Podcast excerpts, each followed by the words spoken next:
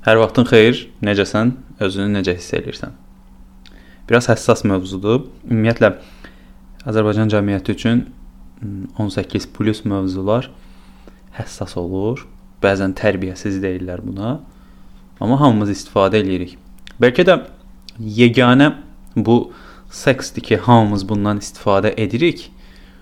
Amma əksəriyyət üçün də bu ayıb bir şeymiş kimi görünür bunun vasitəsilə dünyaya gəlirik. Bunun vasitəsilə dünyanın ən yaxşı həzlərini yaşayırıq. Bunun vasitəsilə insan davranışları formalaşır. Yəni hər şeyin mərkəzində duran bir cinsi münasibəti var, amma bu qəliblərə əsasən ayıb, əxlaqsızlıq, tərbiyəsizlik və s. və s. kimi hallara baş verir. Çox qəribədir, amma həm də reallıqdır Əslində çox da bu mövzuya girməyəcəm. Əsas məsələ cəzbedici kişi və qadın kimdir? Cəzbedicilik nədir? Cazibədarlıq. Biraz da belə getsək terminlə desək, seksi olmaq nə deməkdir? Öz düşüncələrimi bölüşürəm. Yanlış bir e, informasiyalar var. Məsələn, insanlar düşünürlər ki, ə, əksər insandan söhbət gedir. Seksilik fiziki görünüşdədir artıq insanlar qruplara bölünür də. Məsələn, fiziki görünüş ta ki xanımlar tərəfdən estetik əməliyyatlar, ə, poponun şişirdilməsi, dodaqların, sinənin, ayaqların formaya salınması və s. düşünürlər ki, bu cəlb edir. Hə, haqlıdırlar. Bir qrupu cəlb eləyə bilir. Fiziki görünüş. Amma bu uzun müddətlidirmi? Yoxsa uzun müddət, qısa müddətlidirmi? Bu artıq o seçdiyi hədəf kütləsinə əsasən müəyyənləşir. Ola bilər insan çox varlıdır, hər şey var, amma cinsi olaraq acdır və arxasında və dodağında silikon olan yekə bir qadını həsrətlə baxır. Hansı ki, orada heç bir təbiilikdən söhbət getmir. Uşaq vaxtı biz olanda deyirdi ki, sevgi nədir? Daha doğrusu belə bir söz olurdu. Mən onun ürəyini sevirəm. Böyüyüb sonra analiz eləyəndən sonra başa düşürsən ki, əslində boş söhbətdir. Heç kim ürəyi sevmir. Heç kim daxili görə bilmir. Hamımız fiziki quruluşa aşiq oluruq əslində. Və mənim bir sözüm var idi. Əslində əksəriyyətimiz və demək olar hamımız geyimlərə aşiq oluruq. Çünki mental qəliblərimizə əsasən geyimlər formalaşa bilir. O geyimlərə uyğun gələn insan əxlaqsız ola bilər və yaxud çox tərbiyəli bir obrazda ola bilər. Məsələ budur bir anlıq insanlar bütün insanların əynindən geyimlərini çıxarsalar, bəlkə də heç kim heç kimə aşiq olmaz. Hamı çünki bir-birinə bənzəyəcək də. Bu bu da qəribə bir şeydir. Əslində geyimlər bizim diqqətimizi cəlb edə bilər. Nəysə.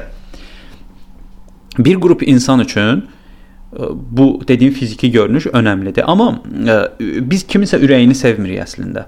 Fiziki fiziki görünüş bizim üçün çox önəmlidir. Çünki kişi və qadın münasibətində feromonlar, bu tər qoxuları, bir-birinin qoxularının uyumluluğu önəmlidir. Bir-birinə baxışlar, daha sonra bir-birinə qurduğu ünsiyyət və s. və s. bu şeylər önəmlidir. Bəzi insanlar fiziki görünüşə çox da diqqət eləmir, sapioseksualdılar. Yəni insanın zehninə aşiq ola bilirlər, fikirlərinə, dünya görüşünə, həyat şəraitinə və s. Yəqin ki, Frida Kahlo və Diego-nu eşitmisiniz. Baxmamısınız, onun filmi var. Baxın, kitabı da var, çox maraqlıdır. Diego çox gömbul, yəni özünə baxmayan bir kişi olur və rəssam olur, amma yaradıcı olur. Frida Kahlo çox da qəşəng qız olmur, amma Diego buna aşiq olur. Diego'nun bir dənə problemi var ki, dayanmadan xəyanət eləyir. Hətta filmində Frida'nın bacısı ilə ona xəyanət eləyir və Frida hər dəfə onu bağışlayır, bağışlayır, axırda bağışlamır. Və mən ona türkcə baxmışdım. Filmdə e, məktub yazır e, Diego'ya, yoxsa deyəsən özü deyir. Deyir, həyatımda 2 kez qəza keçirdim Diego. Ən ağırı səndin. Belə bir şey deyir. Burada Frida'nın aşiq olduğu Diego o sapioseksuallığa uyğun Diego'ydu. Yəni onun zəkasına, fikirlərinə və s. və s. məsələlərinə aşiq olurdu. Mən belə bir araşdırma eləmişdim. Düzdür, bu rəsmi bir araşdırma deyil, amma bir 2500-3000 insan arasında həm sorğu keçirmişəm, həm də görüşdüyüm zaman fikirlərimi bölüşmüşəm ki, ə, e, kim daha çox kitaba, oxumağa, düşünməyə, yaradıcılığa, zəka ilə emosional və emosional zəka, ay, e, intellektual zəka, sosial zəka bu şeylərə önəm verirsə, qarşıdakı insanda bunları axtarmağa başlayır. Zəkasına daha meylli olur. Kimdə bunlar yoxdursa, insanların fiziki quruluşuna daha çox baxırlar. Məsələn, qadınlarla söhbətimdə belə bir şey ortaya çıxmışdı. Bodybuilder oğlanları bəyənirsinizmi sualında? Məsələn, 10 qadından 9-u deyirdi ki, broiler toyuğuna oxşuyurlar. O nədir? Yəni yeyib şişiblər, nə boyda olublar, elə bilirlər ki, yaraşıqlıdılar. Amma mən bunu heç bir biliyi olmayan, oxumayan, yəni kitabla, özünü formalaşdırmaqla heç bir həvəsi e, bununla bağlı olmayan xanımlardan soruşanda dedilər, "Ha, yo bəyənirik, kişi yekə olar da." Çox qəribə bir detal da. Sanki insanın zəkası inkişaf etdikcə insan fiziki quruluşa yox, zehni quruluşlara daha çox önəm verir. Bu da mənim üçün qəribə bir detal idi.